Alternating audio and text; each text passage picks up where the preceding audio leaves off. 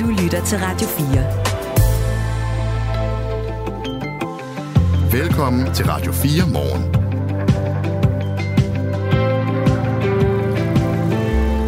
Der er hele seks historier, vi skal nå inden klokken slår 9. Ja, vi har nok at se til. Vi skal øh, blandt andet øh, fortsætte det her med Nordic Waste. Altså en sag, der jo virkelig har fyldt i mediebilledet, og hvor vi også her til morgen har refereret til øh, den øh, socialdemokratiske øh, Europaparlamentsvalgskandidat Magnus Barsø, som har skrevet et øh, opslag på det sociale medie X, tidligere kendt som Twitter, øh, hvor han øh, blandt andet øh, bruger ord som øh, løgnagtige miljøsvin over mm. for øh, Nordic Waste. Vi har ham med øh, om øh, sådan 40 minutters tid.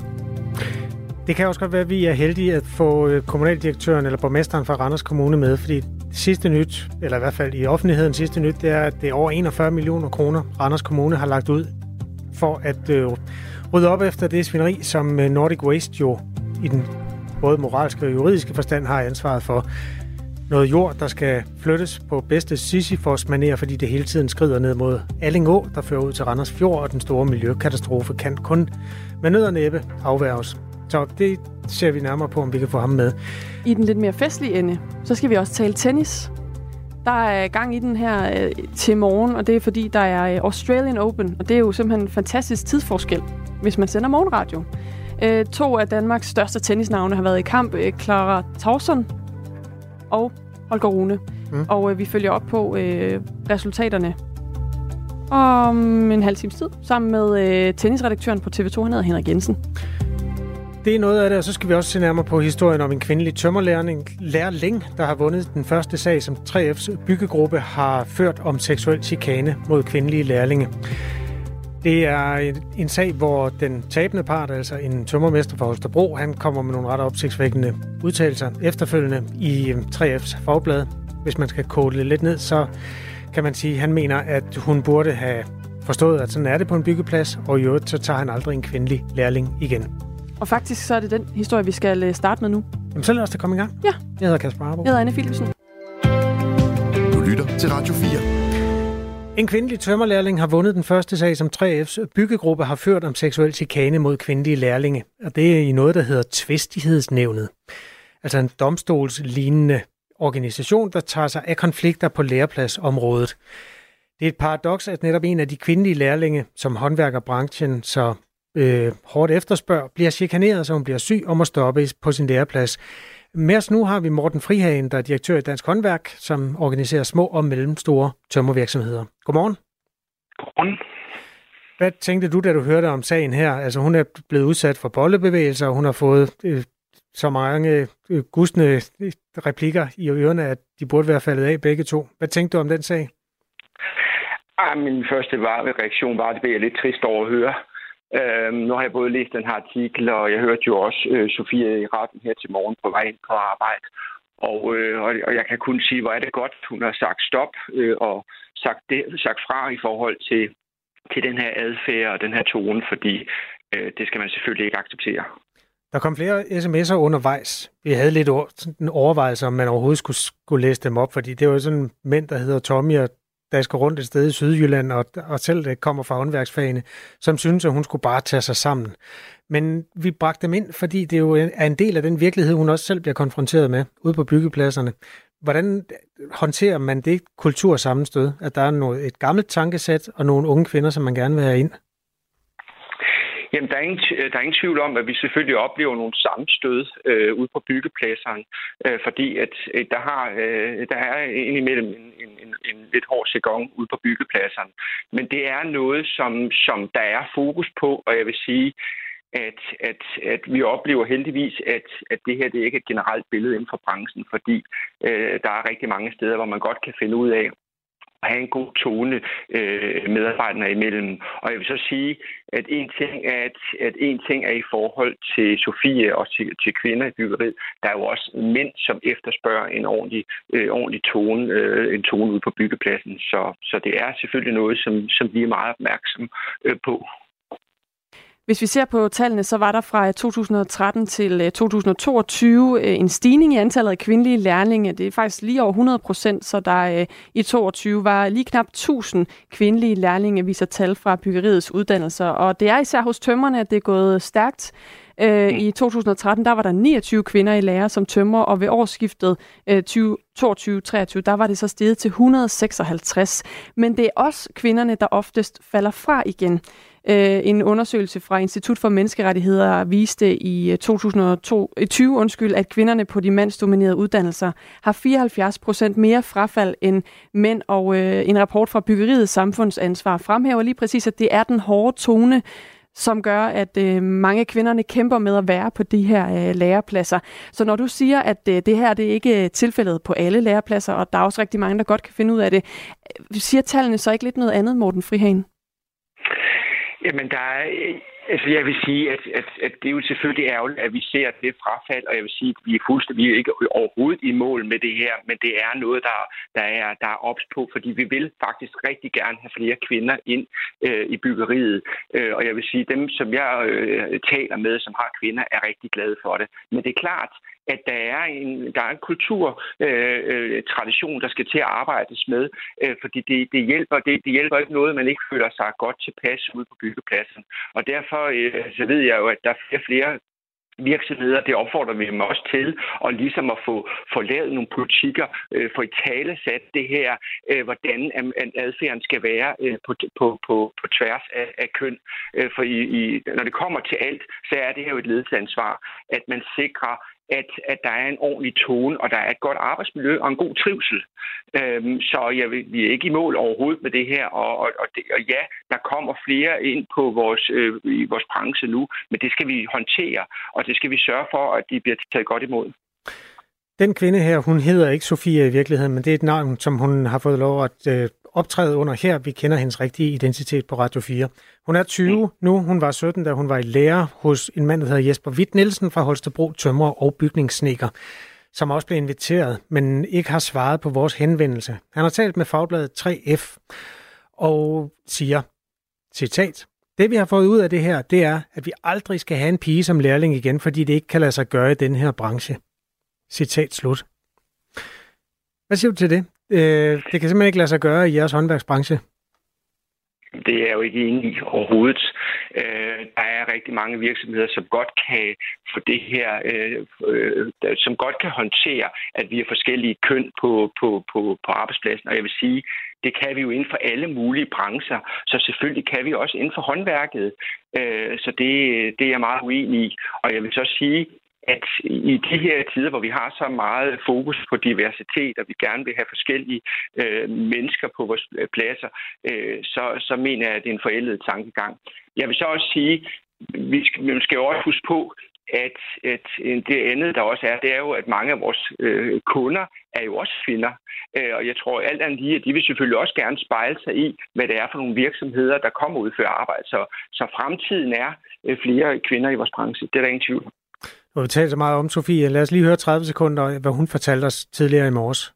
Øhm, det var ikke på samme måde, der blev tiltalt til mig, som der gjorde til de mandlige kollegaer, jeg havde. Altså, øh, de gik jo for eksempel ikke hen og øh, altså, lavede bollebevægelser bag hinanden, og øh, de blev, altså, mine mandlige kollegaer blev tiltalt med navn. Jeg blev tit tiltalt som øh, ja, kælling eller sæk. Og på den måde tror jeg bare, at det var bare hårdt at gå i det her med, at der var bare forskelsbehandling fra dengang, fra dag et, da jeg startede i firmaet. Morten Fri er en direktør i Dansk Håndværk, som organiserer små og mellemstore tømmervirksomheder. Man har været ude og efterlyse de kvindelige øh, lærlinge. Hvad er det for et, budskab, der ikke er nået frem til tømmermesteren, for eksempel i Holstebro? Det, det skal jeg lige have igen. Hvad, der, hvad er for et budskab, der ikke er nået frem til ham? Men jeg tænker, jeg tænker, når man sådan fra organisationernes side siger, at man gerne vil have kvinderne ud i de her håndværksfag, og man vil også gerne have dem ud på lærepladserne, så er det jo en organisation, der taler på vegne af alle virksomhederne. Og så er der samtidig en mand øh, i Holstebro, der, der synes, at, at øh, det er helt normalt, at man laver sådan bollebevægelser op af de kvindelige lærlinge. At det er bare den måde, man omgås hinanden på. Altså, har man, har man glemt at oplyse øh, alle virksomhederne om, hvad det egentlig er, der er opgaven, når man får, får lærlinge inden for døren, øh, som er kvinder?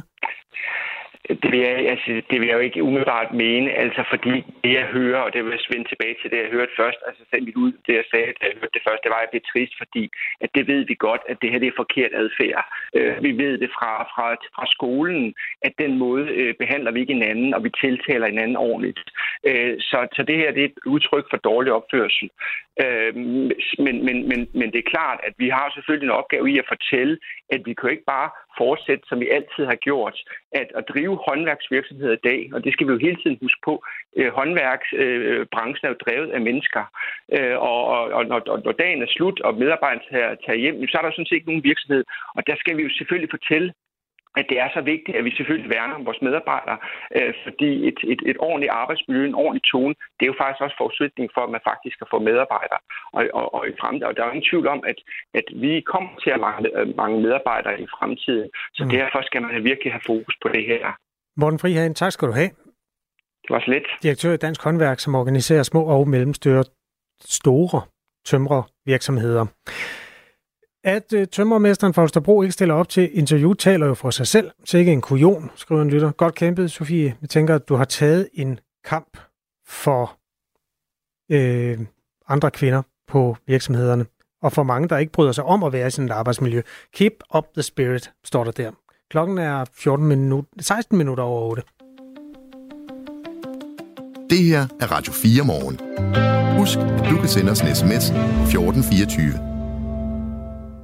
Kongehuset bør ikke have leverandører, der producerer alkohol som kongelige hofleverandører. Så lyder opfordringen fra organisationerne Blå Kors og fra Alkohol og Samfund. Det er noget, som øh, DR skriver om her til morgen.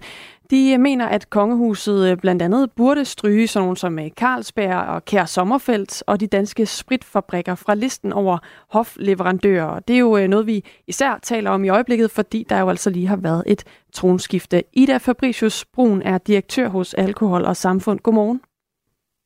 Godmorgen. Hvorfor skal alkoholproducenterne stryges fra den her liste over kongelige hofleverandører?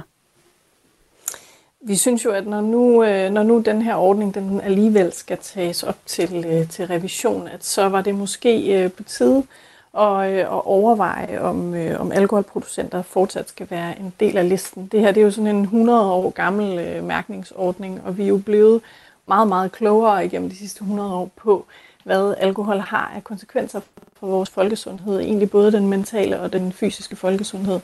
Og når vi nu har et kongepar, som jo blandt andet har slået sig rigtig meget op på lige præcis at fremme både fysisk og mental folkesundhed, så synes vi måske, at der, at der godt kunne være bedre sammenhæng i de produkter, de anbefaler, og, øh, og, hvad hedder det, og, og de mærkesager, de har.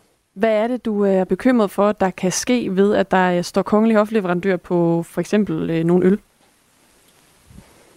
Det er jo ikke fordi det her det er det største problem, vi kan, vi kan få øje på øh, i vores land i forhold til, øh, til markedsføring og i det hele taget regulering af, alkohol. Men når vi nu bliver spurgt, øh, så synes vi, at det her det er jo også med til at, at, øh, at brande øh, alkoholprodukter. Det er jo en del af deres brand at være kongelig hofleverandør. Øh, og der er jo også en signalværdi i det. Og man skal huske på, at der sidder jo øh, rundt omkring i Danmark, sidder der jo øh, op imod 500.000 øh, voksne danskere, som har alkoholproblemer. Og der sidder over 100.000 børn, som vokser op i familier, hvor alkohol fylder for meget. Og for dem er det måske ikke det fedeste signal, at der er alkoholproducenter på den her liste, og at der er så mange alkoholproducenter i forhold til, til andre virksomheder. Der er 109 virksomheder, som indtil for nylig har figureret på listen over de kongelige hofleverandører. De fem af dem er fra udlandet, og de 104 er danske. Og ud af dem, der er der altså 18, der relaterer sig til alkohol. Der er ni danske bryggerier, tre vinhandlere, og så er der fire udenlandske champagne- og portvinsmærker. Og så er der jo alle de øh, afhængige. Ifølge Indrigs- og Sundhedsministeriet er 140.000 danskere afhængige af alkohol, og mere end en halv million har et skadeligt alkoholforbrug. Det er baggrunden for den her samtale med Alkohol og Samfund. Hvor øh, du er direktør Ida Fabricius Brun. Øh, hvor mange tror du egentlig overhovedet øh, lægger mærke til, at der er en kongekrone og et øh, kongelig hofleverandør øh, skilt på, når de for eksempel knapper en øl op? Jeg tror ikke, det er det, der gør, at man øh, hverken køber øllen eller, eller knapper øllen op, og det er også derfor, jeg siger, at det her det er ikke sådan øh, øverst på listen over de øh, tiltag, vi synes, vi burde gøre her i, øh, her i landet. Men det vi siger, det er, at når man nu alligevel kigger på den her ordning, så kunne man jo godt lige kigge på signalværdien i, øh, at man fortsat har alkohol øh, producenter på den her liste. Og så skal vi jo også huske på, at, at denne her branding, eller den her blåstempling fra, øh, fra kongehuset, er jo også et, øh, kan jo også være med til at skabe den her næsten umærkelige eller usynlige øh, fortælling om, at, øh, at alkohol er en del af, af dansk kultur. Øh, Øh, det er jo i hvert fald en, en fortælling, som, øh, som dele af alkoholindustrien rigtig godt kan lide at fortælle. Og når der så også kommer det her kongehus øh, øh, stjernestøv på det, øh, så, så kan det jo være med til at underbygge den fortælling, og det synes vi egentlig, at tiden er ved at være løbet fra. Det lyder bare ikke som om, du sådan rigtig selv tror på, at det vil ændre særlig meget at ændre det her. Så hvorfor egentlig bruge energi på at foreslå det? Jeg tror heller ikke, det vil være et, et tiltag, der vil få en, øh, en umiddelbar effekt, og det er også derfor, jeg siger, at der er mange andre tiltag, blandt andet Men alligevel har I jo tiltag, foreslået som, det. Øh, som vil have en meget større effekt. Vi har ikke foreslået det, vi er blevet spurgt, okay. hvad vi mener om det, og så har vi svaret på det. Modtaget. Tak fordi du var med her til morgen. Selv tak. Du lytter til Radio 4 morgen.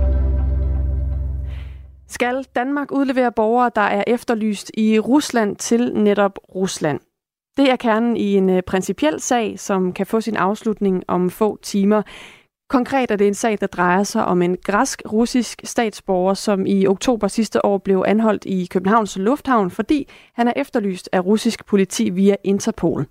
Manden står over for en øh, retssag i Rusland. Den handler om salg af en kontorbygning, der ligger i et eftertragtet område ved Sortehavet. Det er samme område, som øh, Putin har bygget en gigantisk, et gigantisk sommerpalads.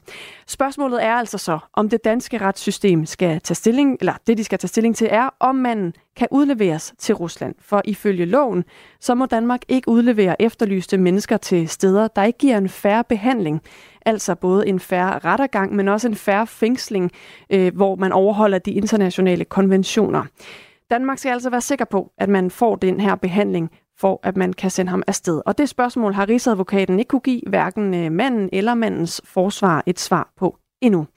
Tobias Grotkær Elmstrøm er retsordfører for Moderaterne. Godmorgen. Godmorgen. Der er retsmøde i den her sag i dag, og det betyder også, at vi kan ikke gå, øh, du kan ikke gå ind i den konkrete sag, men vi kan alligevel godt tale om det principielle i den. Mener du, at Danmark sikkert kan udlevere efterlyste personer til Rusland? Altså, det er en uh, svær problemstilling, fordi det er sådan, at når retten i dag har, har truffet en afgørelse, så skal vi som, uh, som myndighed øh, være med til at effektuere en, en udlevering. Det, der er problematikken her øh, efter øh, min vurdering, det er, at, at, at der er tale om Rusland. Og, øh, og der har jeg egentlig den holdning, at jeg kan ikke se, at vi, vi skal samarbejde med øh, Rusland i forbindelse med en, øh, med en udlevering på nuværende tidspunkt i forhold til den krig, de har gang i, i, i Ukraine og har haft i, i lang tid. Det, der er i det, det er også omvendt, kan man sige, at normalt giver det god mening at hjælpe med udlevering, også fordi der er pres på, på danske fængsler, øh, og det er også, der afholder udgifterne til, til at have øh, udlandske fanger i, øh, i Danmark. Men i og med, at der er tale om en, øh, en russisk øh, statsborger, øh, så er jeg meget skeptisk omkring det her med, at vi overhovedet skal gå i dialog med myndighederne omkring udlevering. I den her øh, sag, øh, jeg skitserer bare lige kort, der øh, har manden både græsk og russisk statsborgerskab, men bor til daglig i Grækenland med sin kone og børn, øh, hvorfra han også driver forretning. I sagen har Rigsadvokaten så spurgt i Rusland, hvordan man vil blive behandlet. Og øh, her var svaret, og det er nok ikke så overraskende, at menneskerettighederne overholdes, og at den 46-årige vil få en god behandling. Det er nok sjældent, man vil sige andet. Omvendt så har Rigsadvokaten også spurgt Udenrigsministeriet, hvordan de mener, de russiske forhold er. Og det var øh, noget mere kritisk, når man ligesom, øh, eller kritiserede i hvert fald mere de her forhold. Manden i den her sag har altså ikke fået et klart svar endnu, og dermed så har han også siddet øh, fængslet siden oktober, uden at kunne få svar på, om Danmark vil udlevere ham eller ej. Det svar burde det egentlig ikke være nemt at finde?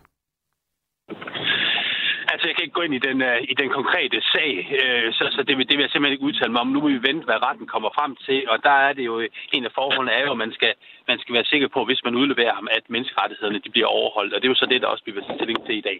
Men så lad os sætte en uh, mere principielle ting. En, uh, en person, der uh, gerne, hvor Rusland gerne vil have fat i vedkommende, burde det ikke være nemt at finde svar på, om vi kan sige ja eller nej til at gøre det, altså udlevere uh, fanger til Rusland? Altså i, i generelle vendinger, så kan jeg kan ikke gå ind i omkring, om det er nemt eller ikke er nemt. Det, der bare er vigtigt for mig at sige, det er jo, at man overholder menneskerettighederne i de lande, vi udleverer øh, statsborgere til fra Danmark af, og det er rigtig, rigtig vigtigt i agtag. Øh, så nej, jeg vil i sådan ikke sige, at det er, det er nemt, og det er meget vigtigt, at, at det er de rigtige afgørelser, der bliver truffet, og det er også fuldstændig tillid til, at vores retssystem i Danmark, de, øh, de gør. Er du, øh, du, er du på vej i en taxa eller et eller andet, øh, Tobias Godt Kælestrøm?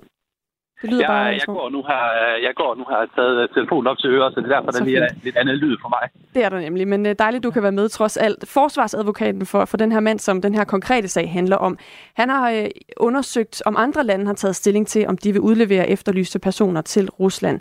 Og i første halvår af 2023, der var der otte forskellige EU-lande, som 46 gange har afvist at udlevere en efterlyst person til lige præcis Rusland.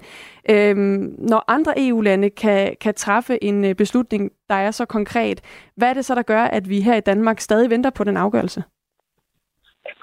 Altså igen, man skal tage det en rigtig rækkefølge. Jeg er meget spændt på resultatet og vil følge tæt i dag omkring, hvordan man forholder sig til øh, udleveringen også i forhold til, at menneskerettighederne bliver overholdt. Så når det er, at vi har afgørelsen fra, fra domstolen i dag, jamen, så skal man så finde ud af i forhold til, om statsborgeren skal udleveres. Så vil jeg bare sige, at der er skeptisk og kritisk i forhold til, at vi skal gå ind i samarbejde med Rusland omkring udlevering. Og det er jo virkelig også bare det, jeg prøver at fiske efter, uh, Tobias Godka Elmstrøm, hvor du står i det her. Altså mener du, hvis beslutningen var op til dig, at vi skal sige nej til at udlevere uh, efterlyste personer til Rusland? Altså på nuværende tidspunkt, ja, så, så, så mener jeg ikke, at vi skal udlevere eftersøgte personer til Rusland, fordi jeg mener slet ikke, at vi skal gå i dialog med øh, Rusland om noget som helst, på grund af den krig, de fører mod Ukraine.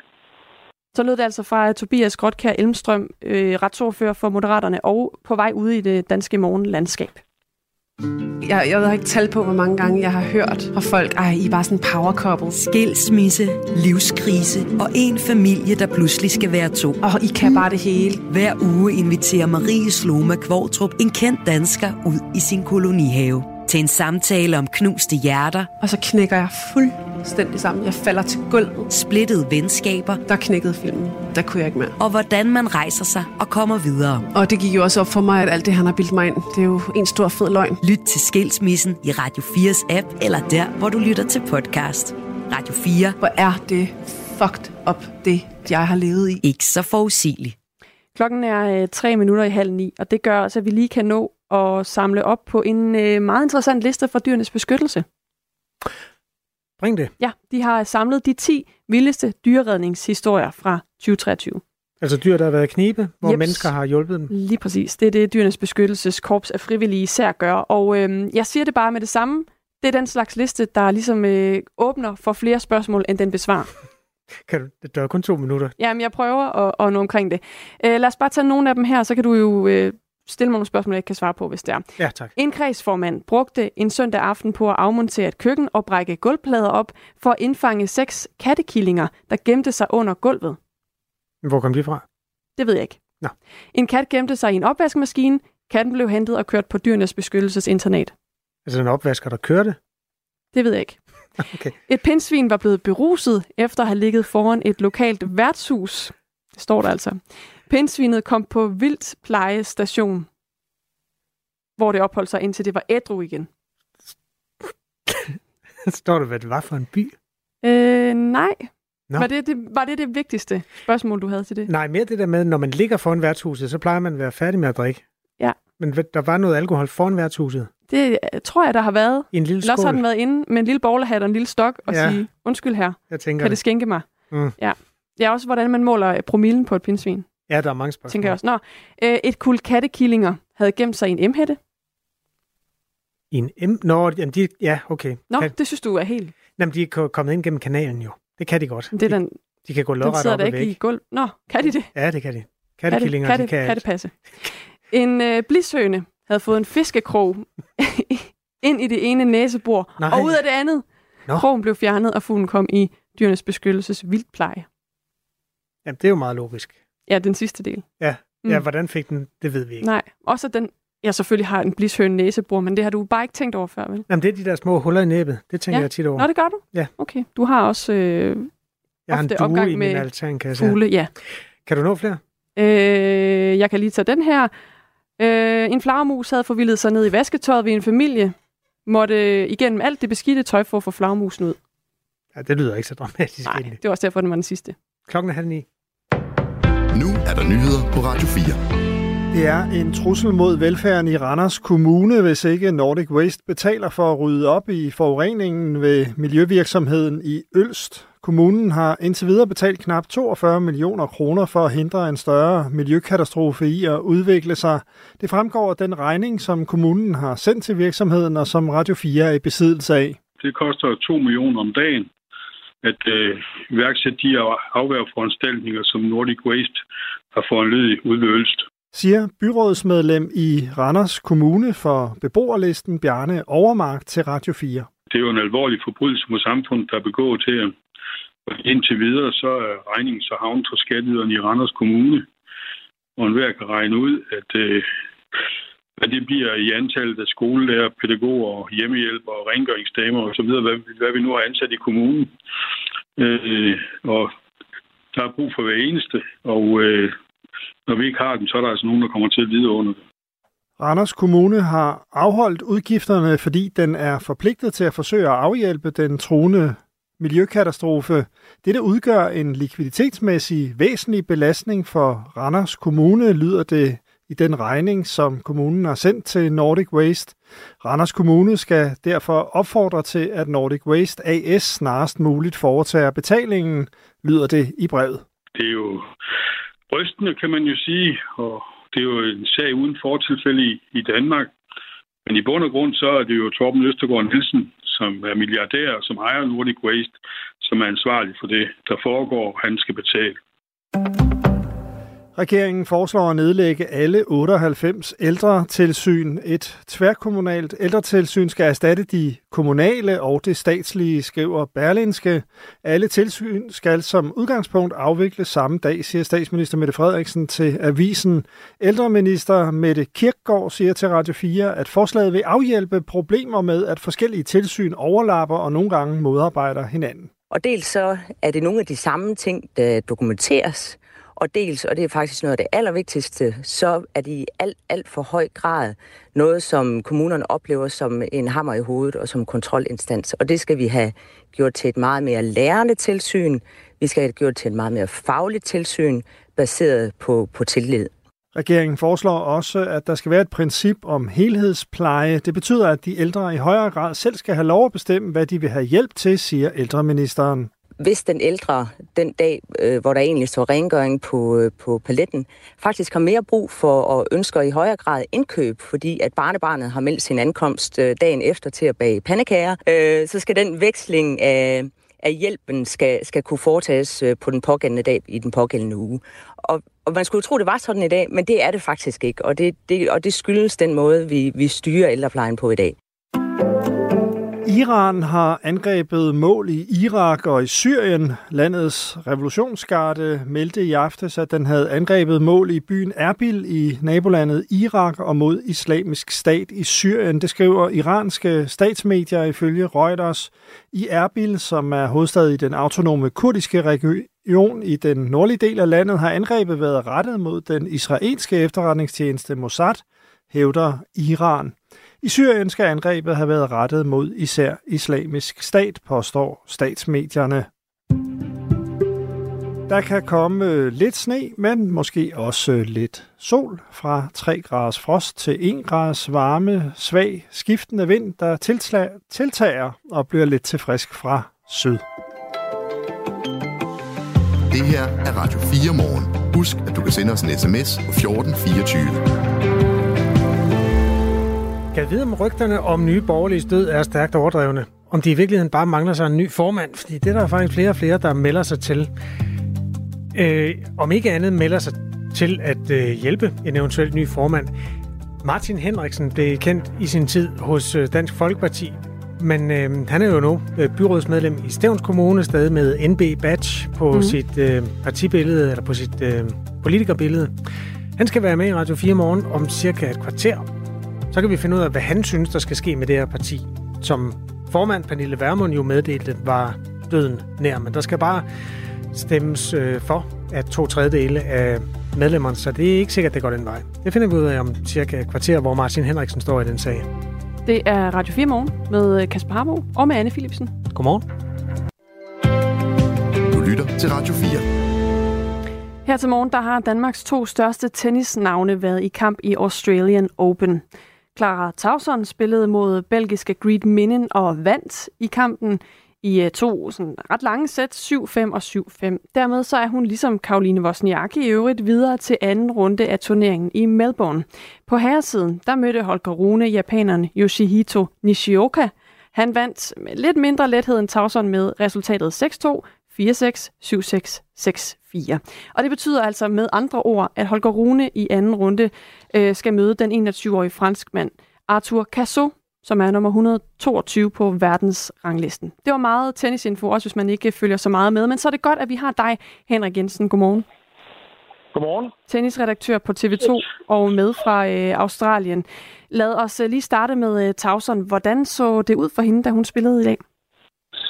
Ja, det var en, en rigtig flot sejr, især når hun har sådan et svært 2023, og så spillede hun virkelig, virkelig godt i det her opgør. Hun sad godt, og hun, øh, var virkelig stærk i de her afgørende situationer. Det var en fornøjelse at se hende spille på det her høje niveau, som, som hun virkelig har kæmpet for at komme tilbage til. Så det var en imponerende sejr. Det var en, en stærk sejr fra, fra Clara Tausen. Hun var en lille smule favorit i det her opgør, og der var et par udsving undervejs, men det, jeg synes, der var rigtig stærkt at se også med sin nye træner, Lars Christensen, ved sin side, det var, at, at, at, at der var ikke nogen alvorlig mentale udsving. Hun sørgede hele tiden for at komme tilbage på sporet igen, og, og især i, i anden til spillede hun øh, ekstremt stærkt og gav ingenting ved i sin egen saveparti. Så det var, var rigtig, rigtig positivt at se uh, Clara Tausen, synes jeg, tilbage både som fysisk og spilmæssigt i topform. Ja, efter hun nu har øh, døjet med en del skader øh, i løbet af de seneste øh, år.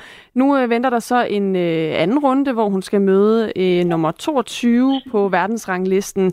Øh, hvordan vurderer du egentlig hendes chancer for at komme videre?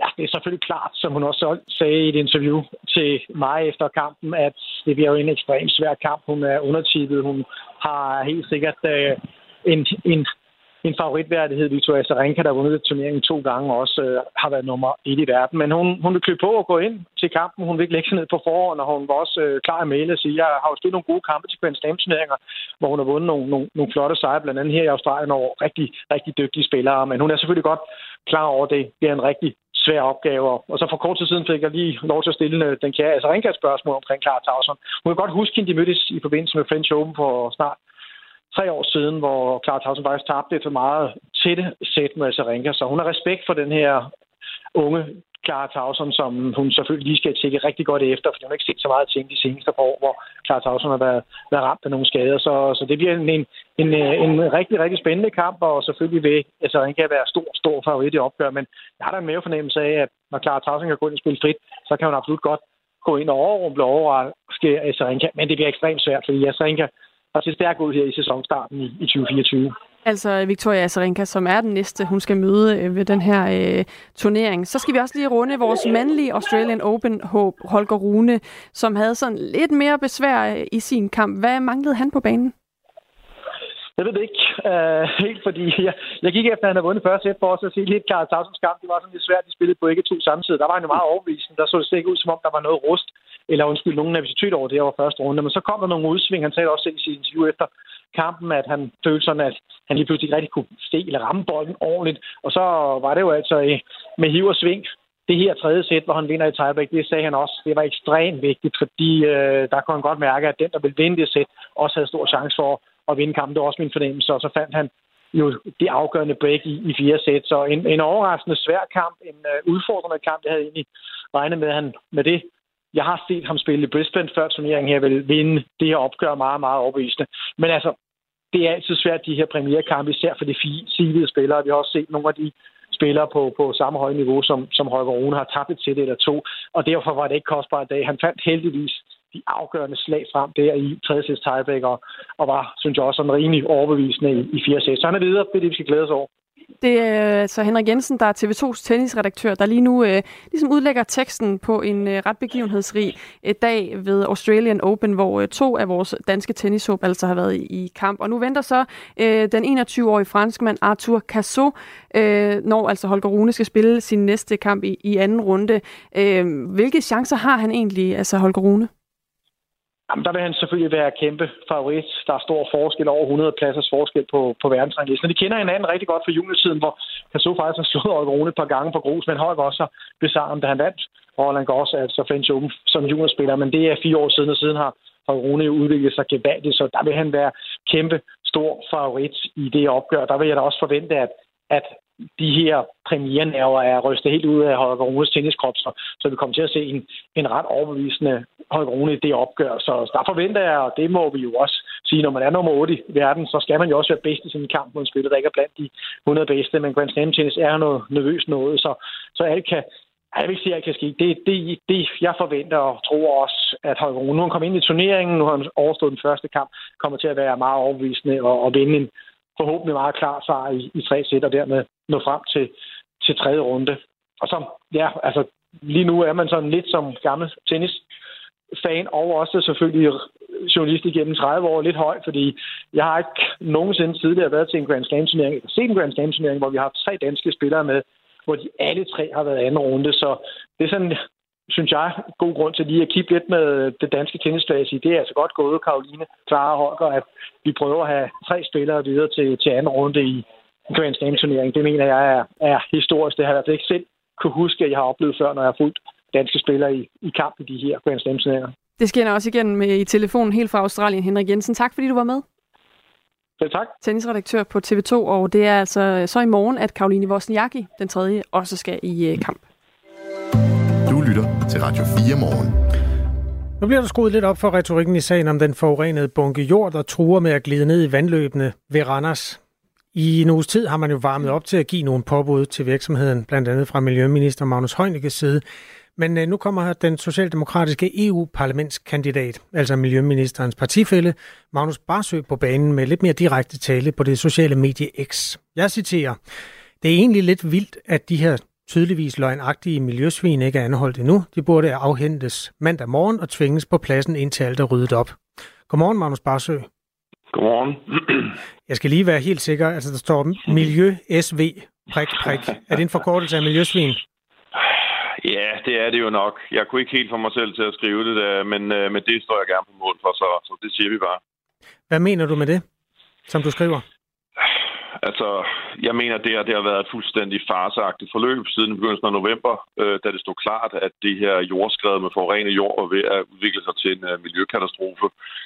Den her virksomhed, Nordic Waste, har jo sagt, at de ligesom gik af pladsen, altså øh, ja, gik hjem fra oprydningen, kan man sige, overlod det til kommunen omkring 19. december, fordi at de i aftale med kommunen gjorde det. Og det har kommunen jo så afvist. Altså, det var borgmesteren og, øh, og kommunaldirektøren ude at afvise i går, øh, og kan ikke genkende det forløb, som Nordic Waste skitserer. Og så siger jeg bare, at det her, det tyder på, at de simpelthen ikke fortæller sandheden. At øh, de har en opfattelse af sandheden, og kommunen har en anden. Og der må jeg bare sige, det her, det er jo ikke...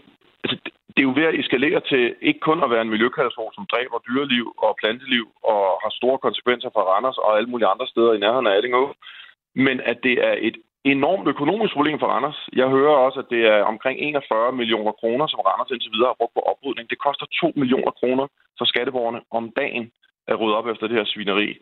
Så jeg er, jeg er nok bare grundlæggende ekstremt forarvet over, at det her står ved, og den måde, som, som virksomheden har håndteret det. Må jeg ikke også lige sige, jeg har lige læst her til morgen i en artikel i Finans, mm.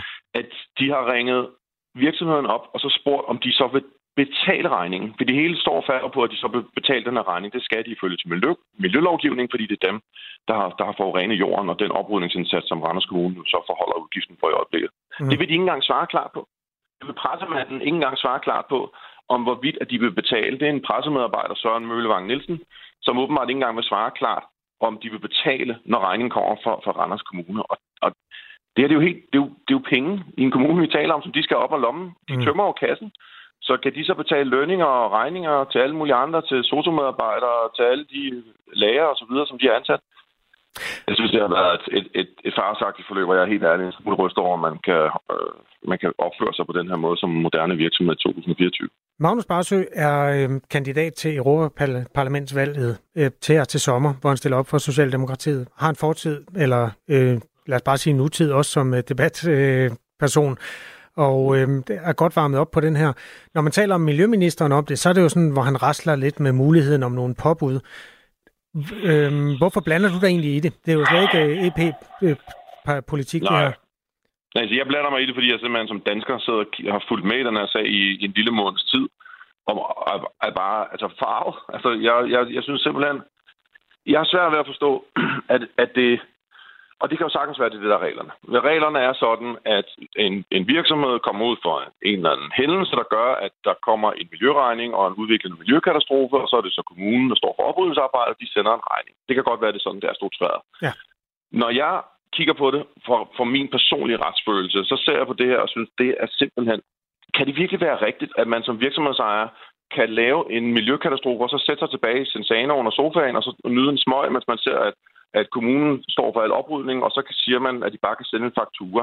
Der... Men, øh, men du er jo også øh, inde i det politiske system og partifælde med Miljøministeren. Hvad kan du gøre ved det her? Altså, kan Jamen, du få ham til at skrue op for, for varmen? Altså, det, det, det håber jeg i hvert fald, at man, at man på en eller anden måde... Jeg tror, jeg, jeg tror, jeg nok har det måske som mange andre, når man ser det her, at sige, kan det virkelig være rigtigt, at man kan gøre det? Altså, at øh, jeg er med på, at man ikke bare kan ringe til politiet og få dem til at troppe op for, for rigmanden her, Torben Østergaard Nielsen, som i sidste ende ejer Nordic Waste, og så ringe på og så sige, nu står du med en spand og en skovl og rydder op ned i det mudderhul, indtil det er ordnet. Men det er jo næsten det, vi er ude i. Jeg synes, det er forarveligt, at man bare kan sidde tilbage og efterlade regningen til en kommune, som, som jo siger, det her det kommer til at dræne vores kasse og tømme vores kasse. Hvad, kan du, hvad, hvad, hvad vil du bidrage med så? Altså, når du kender Magnus Heunicke, I er partifælder, og, altså, hvad, hvad, kan du, hvad kan du gøre, øh, når du nu er et, en lille, der har en fod inden for et politisk system her? Ja, jeg synes, jeg synes måske to ting. For det første, så vil jeg da også lige uh, tage kontakt til min partifælde og høre, om vi gør nok. Det er jeg helt sikker på, at han gør. Han har jo også været inde over sagen. Jeg udtaler mig i virkeligheden bare, altså, øh, når jeg kigger på det her, og synes, at det er et, øh, et problem i forhold til min retsfølelse. Den anden ting er, og det er det politiske perspektiv. Har vi stramme nok regler på det her fremadrettet? Fordi en ting er jo Randers, og en ting er Nordic Waste-sagen. En anden ting er, at det er noget, som er præcedens fremadrettet. Altså, kan vi ikke gøre mere? Kan vi ikke stramme reglerne yderligere, sådan så at en virksomhed, når der kommer en den næste miljøkatastrofe, om det er i Odense, om det er på Amager, eller hvor det ender med at blive, sådan så det ikke ender med, at en virksomhedsejer eller en virksomhed bare kan lade tør regningen for oprydningen af på, på det offentlige. Og så må jeg også bare sige en sidste ting. Det her, det kan jo godt ende med, at der er en virksomhed, der løber fra regningen. Jeg siger ikke, det sker, men jeg kan godt frygte det i maven. Har vi de rigtige regler sat i verden, for at man kan jagte den ultimative ejer af den her virksomhed, som er Torben Østergaard Nielsen, som jo er Danmarks 6. rigeste mand, og som altså har penge. Fordi penge er der i det system. Spørgsmålet er bare, om de ligger i Nordic Waste, og hvor de er. Og det skal i hvert fald under ingen omstændigheder ende med at være os skatteborgere og borgerne i Randers, der betaler regningen for deres svineri. Hvem har haft, spørg lytter, hvem har haft tilsynet med virksomheden og har godkendt pladsen? Det skulle vel ikke være kommunen og staten, spørger vedkommende. Forhistorien er, at det går tilbage til det daværende Aarhus Amt, og amterne er jo nedlagt, øh, men Randers Kommune har jo også øh, taget virksomhedens egne øh, øh, opgørelser af risiko for jordskred til trone, og det har jo så vist sig, at den risiko var større, end man havde regnet med. Men øh, Magnus Bagsø, det her, det, det glæder vi os da til at følge med i, også om der kommer en dialog mellem dig og, og øh, Magnus Heunicke. Nu er I jo begge to på det sociale medie X, så du kan jo eventuelt starte med at tagge ham i det opslag, du har lavet, hvis det ja. nu var, at du også vil, vil have, der sker noget. Ja, det vil, det vil jeg godt. Tak. Og også tak, fordi du vil være med her. Ja, tak. Og øh, vi har jo af mange omgange ret ud til øh, virksomheden Nordic Waste, som ikke har stillet op til interview endnu. Den invitation er stadig åben. Klokken er 11 minutter i 9. Radio 4. Ikke så forudsigeligt.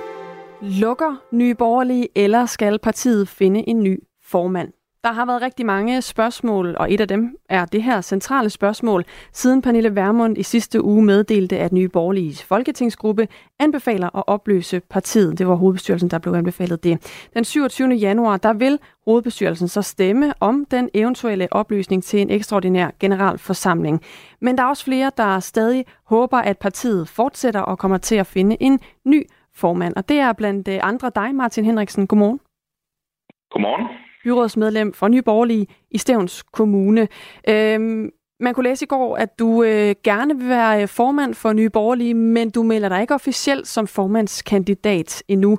Har du lyst til at stille op som formand eller ikke? Ja, det, det har jeg jo. Det, det ligger jo ligesom øh, i det. Men øh, når jeg siger det på den måde, så er det jo også fordi, at første punkt på dagsordenen er jo at sikre, at partiet det, det overlever. Og så alt det her er jo sket meget meget hurtigt. Altså, øh, jeg øh, er jo medlem af Nye Borgerlige og var også øh, brugt noget tid på at søge opbakning til at stille op som, øh, som spidskandidat til EU-parlamentet, og når man, øh, når man gør, så har også været rundt øh, i landet og besøgt lokalforeninger osv. Når man gør det, så er det jo fordi, man altså, gerne, at man mener noget med det. Jeg mener noget med det, og jeg vil gerne være med til at, at genopbygge partiet, og så lige pludselig så sker der så det, at øh, partiet ikke har nogen formand, og meldingen er, at nu skal det hele så, øh, så nedlægges. Så det var jo meget pludseligt, og Ja, og så er der en proces, der går i gang, hvor at, at man så øh, en del i hovedbestyrelsen arbejder på at, at nedlægge partiet, og så skal så er første punkt på dagsordenen selvfølgelig, at man sikrer, at øh, partiet stadig er her. Så hvad er det, du venter på lige nu, før du øh, melder dig officielt som formandskandidat? Jamen altså, jeg taler med folk i, øh, i baglandet, med, med medlemmer og lokalforeningsformænd, og også folk, som er er valgt øh, for Nye Borgerlige til at bestride forskellige øh, erhverv i, øh, i kommuner osv. Og, så videre. og det gør jeg selvfølgelig, fordi at dels så vil jeg gerne øh, høre, om, om folk har mod på at kæmpe videre for, at øh, partiet overlever. Øh, jeg mener stadigvæk, at der er, er brug for et, øh, et parti i dansk politik, som øh, meget klart og tydeligt øh, signalerer, at det, som man har gennemført indtil videre, det man arbejder på inden for, for indvandringsområdet, det er ikke nok, og så er det ikke nogen hemmelighed. Jeg vil også gerne i stigende grad i tale den begyndende befolkningsudskiftning, det synes jeg er mm. et kæmpestort problem. Og øh, så også, at man har et parti, som også har en, en økonomisk politik, som handler om at øh, fjerne nogle af alle de skatter og øh, afgifter, som man ligger på mange almindelige danskere og familier, og så selvfølgelig også en konservativ værdipolitik. Og den kombination, øh, den, øh, den synes jeg ikke rigtigt, der er andre partier, der, der har. Plus, at jeg mener, og det er en vigtig pointe, hvis jeg øh, får mulighed for lige at gøre den fast godt kort, det er, at jeg synes også, der er en stor afstand mellem, hvad hedder det, jeg ved ikke om, hvordan det er, øh, hvad hedder det, der er en stor afstand mellem øh, altså manden på gulvet, øh, mennesker ude i samfundet, øh, og så dem, der træffer beslutningerne, altså øh, toppolitikerne. Og den afstand, den skal være mindre, og det synes jeg er et stort demokratisk problem, at, at den ikke er det, og der mener jeg, at Nye Borgerlige er de, vel det parti, der har den største chance for at kunne gøre noget ved det. Godt, så fik vi ja. også lige hørt din uh, mærkesag, Martin Henriksen. Du er jo en mand med en lang politisk karriere, og du forsøgte jo også at blive formand for Dansk Folkeparti i 2022, tabte så i kampvalg til Morten Messersmith. Er det derfor, du er lidt forsigtig med at melde dig 100% på banen, før du ligesom ved, hvor dit bagland står nu? Jeg, øh, altså, jeg meldte mig jo ind i et parti, Nye Borgerlige, og stillede op for et parti, som havde en formand og som havde en ledelse. Og du har ikke hørt mig sige nogen steder, at, øh, at jeg synes, jeg skulle være formand for, øh, for Nye Borgerlige, indtil at der lige pludselig ikke var nogen formand og ikke var nogen ledelse mere. Altså, og så er jeg jo sådan, altså sådan er jeg. Min hustru siger også, at det, øh, det kan være en god kvalitet, og nogle gange en mindre god kvalitet. Altså, så bliver jeg lidt stedig. Altså, hvis jeg arbejder for noget, og så og jeg kan sige, at der er også andre mennesker, der arbejder for det, og de, øh, de gør det, fordi de jo ligger, mange ligger jo frivillige kræfter og også altså deres egne penge i det. Øh, det synes jeg, man skal have respekt for, at folk, når folk gør det, så er det fordi, de føler noget for det, og så synes jeg, så kan man ikke bare så kan man ikke bare lugte. Øh, så synes jeg, man skal kæmpe videre for det, og så det, det vil jeg gerne gøre, så det, det er mit forsøg på at gøre det. Men det, jeg tænkte på, var også bare om den oplevelse, det var ligesom ikke at vinde det seneste formandsvalg, er årsagen til, at, at du ikke ligesom melder klart ud, at du er kandidat. Nej, primært det er, at, at hvis, hvis de borgerlige øh, skal overleve som parti, så punkt 1 skal man jo finde ud af, om, der, om folk vil det, og det er der en del, der gerne vil. Og så punkt 2, så tror jeg også, det er vigtigt, øh, fordi nu ved jeg jo, at jeg kan godt huske, hvordan medierne de fungerer, at, at, at tingene kommer til at foregå, øh, fordi der jo også har været noget, nogle interne partistridigheder i borgerlige tidligere. Det er heller ikke nogen grund til at lægge skue på, at det kommer til at foregå på en så på en så god øh, og ordentlig måde som, øh, som overhovedet muligt. Så det er det, som, øh, som jeg fokuserer på. Øh, Martin Henriksen, da Pernille Vermund gik ud i sidste uge og sagde, at nu lukker nye borgerlige, der var det en fuldstændig uvandt situation. Så mange steder bliver det jo refereret som et faktum, at nu lukker partiet. Efterfølgende øh, har det jo så vist sig, at det er ikke så entydigt. Der skal jo to ekstraordinære årsmøder til, oplyser den organisatoriske næstformand Frederik Meier Johannesen til DR, og så skal der være et flertal på to tredjedel af de stemmeberettigede, der skal stemme for at opløse det øh, parti her. Og det er jo altså i virkeligheden det allermest interessante, at har du nogen som helst idé om, hvorvidt der er flertal for, at partiet holder op med at eksistere? Altså ud fra dem, som jeg taler med, og nu har jeg efterhånden talt med, med, med en del, øh, så, så vil min vurdering være, at der, altså, at der er et flertal men igen, det er en vurdering, og det, det er jo meget svært at sige meget præcist, det er det, for man kan jo ikke tale med alle. Det kan man ikke, der er mange mennesker. Øh, men ud fra det, jeg har talt med, det, og dem, som jeg så taler med, de taler med andre også, så er mit indtryk, at, at der er et, et, et, et bredt ønske om, at øh, iblandt folk, som er aktive i partiet på forskellige vis, at bevare det. Øh, det er mit indtryk, at, at det er der. Og det, hvis det lykkes, så kan man jo nu er, øh, hvis man kigger på, på Nye Borgerliges Øh, logo eller slogan, så er der jo en, en svane. Så hvis det lykkes, så er det jo en grimme ælling, der bliver til svane. Det det lige på. Den er jo allerede svane. Det, det, det er et ret øh, uholdbart øh, metafor, du har der, Martin Henriksen. Synes du det? Hvor er det? Det, det, det bliver jo en voksen svane, der er i logoet, så kan den jo ikke blive til svane en gang til. Ja, men altså, partiet vil være den grimme ælling, fordi det er dem, du er ude. Ikke? Nå, nede, Nå ikke? på den måde. Ja, undskyld. Og bliver så til en svane, ikke? Yes. Alright. Ja, det Fint. Godt. Købt. Martin ja, Henriksen. Ja, mine pædagogiske evner har ikke altid været så gode, vel? Det var... Nej, det har de ikke. Men øh, lad det ligge. Det, hvad, hvilken interesse har de mennesker, der gerne vil lukke partiet, i at lukke partiet? Altså, jeg spørger i virkeligheden den forkerte, for det er jo ikke det, du gerne vil, men, men jeg forstår i virkeligheden ikke, hvordan man kan have et ønske om, at partiet forsvinder, også selvom man ikke gider mere selv. Nej, altså man kunne mene, det mest øh, oplagte vil være så at ja, ja, ikke, altså, melde sig ud og så ikke være med mere. Og så lade andre, hvis de har lyst til det, øh, køre det videre. Det vil jo nok være den, den, den, den mest oplagte og rigtige måde at gøre det på. Altså, der er mange græsrødder i den borgerlige, som jo, de vil gerne, altså de vil virkelig gerne, og der er mange, der virkelig arbejder på at, at få det til at køre videre. Og, øh, og, og det, det, det synes jeg, man skal respektere. Altså, det, det, det har jeg sådan grundlæggende. Altså, det, det, øh, jeg har, som, som jeg også sagde, altså, jeg har prøvet at være i Folketinget, nu sidder jeg i kommunalbestyrelsen. Jeg har også været øh, altså bare øh, i gåsøjne bare altså, frivillig almindelig medlem øh, i et parti, og det er jeg jo sådan set også nu øh, i, øh, i Nye Borgerlige.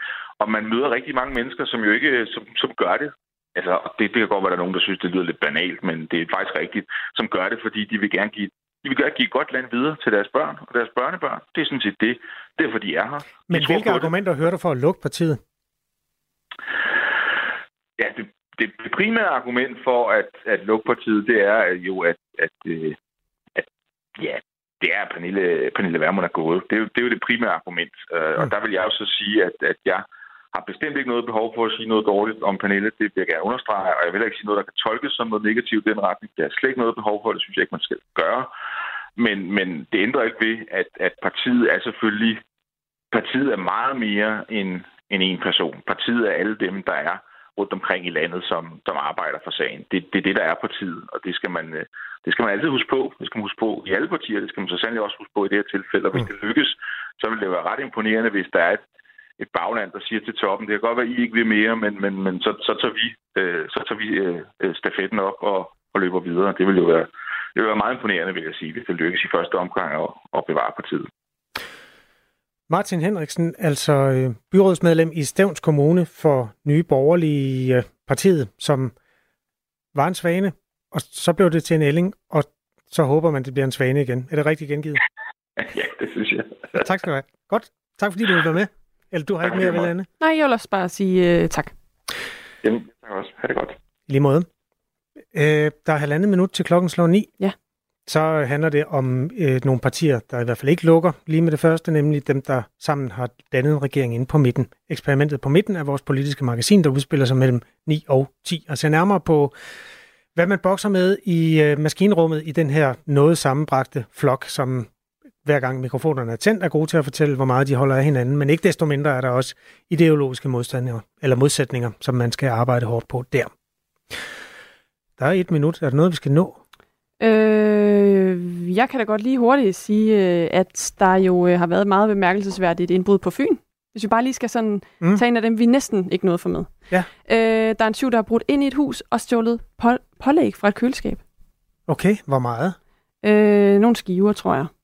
Det er, ja, det er rundt regnet. Øhm, der er blevet taget nogle billeder af det, og øhm, kommunikationsmanden hos Fyns politi, han siger, det er øh, ligner en kødpålægspakke, som du spiser, hvis du har lyst til en god øh, hamburg med, som man jo har. Det er Fyns.dk, der har skrevet om det. Jeg tænkte nok, det var et lokalt medie. Yes. Det er jo altid enormt grænseoverskridende for folk, der er indbrud, så i den forstand er det jo ikke... Øh... Nej, og så i køleskabet, der er sådan, så er man virkelig inde, ikke? Ja. Jo. Det var det, vi kalder bunden af nyhedspunkten. Jeg forstår godt, du har anbragt den der. Ja, men, øh, der ligger den så fint. Så har vi også øh, på alle måder tilkendegivet, at vi har ikke mere i kanonen Nej. lige i dag, men skal vi ses i morgen? Det skal vi. Klokken 6. Klokken er 9. Du har lyttet til en podcast fra Radio 4. Find flere episoder i vores app, eller der, hvor du lytter til podcast. Radio 4. Ikke så forudsigeligt.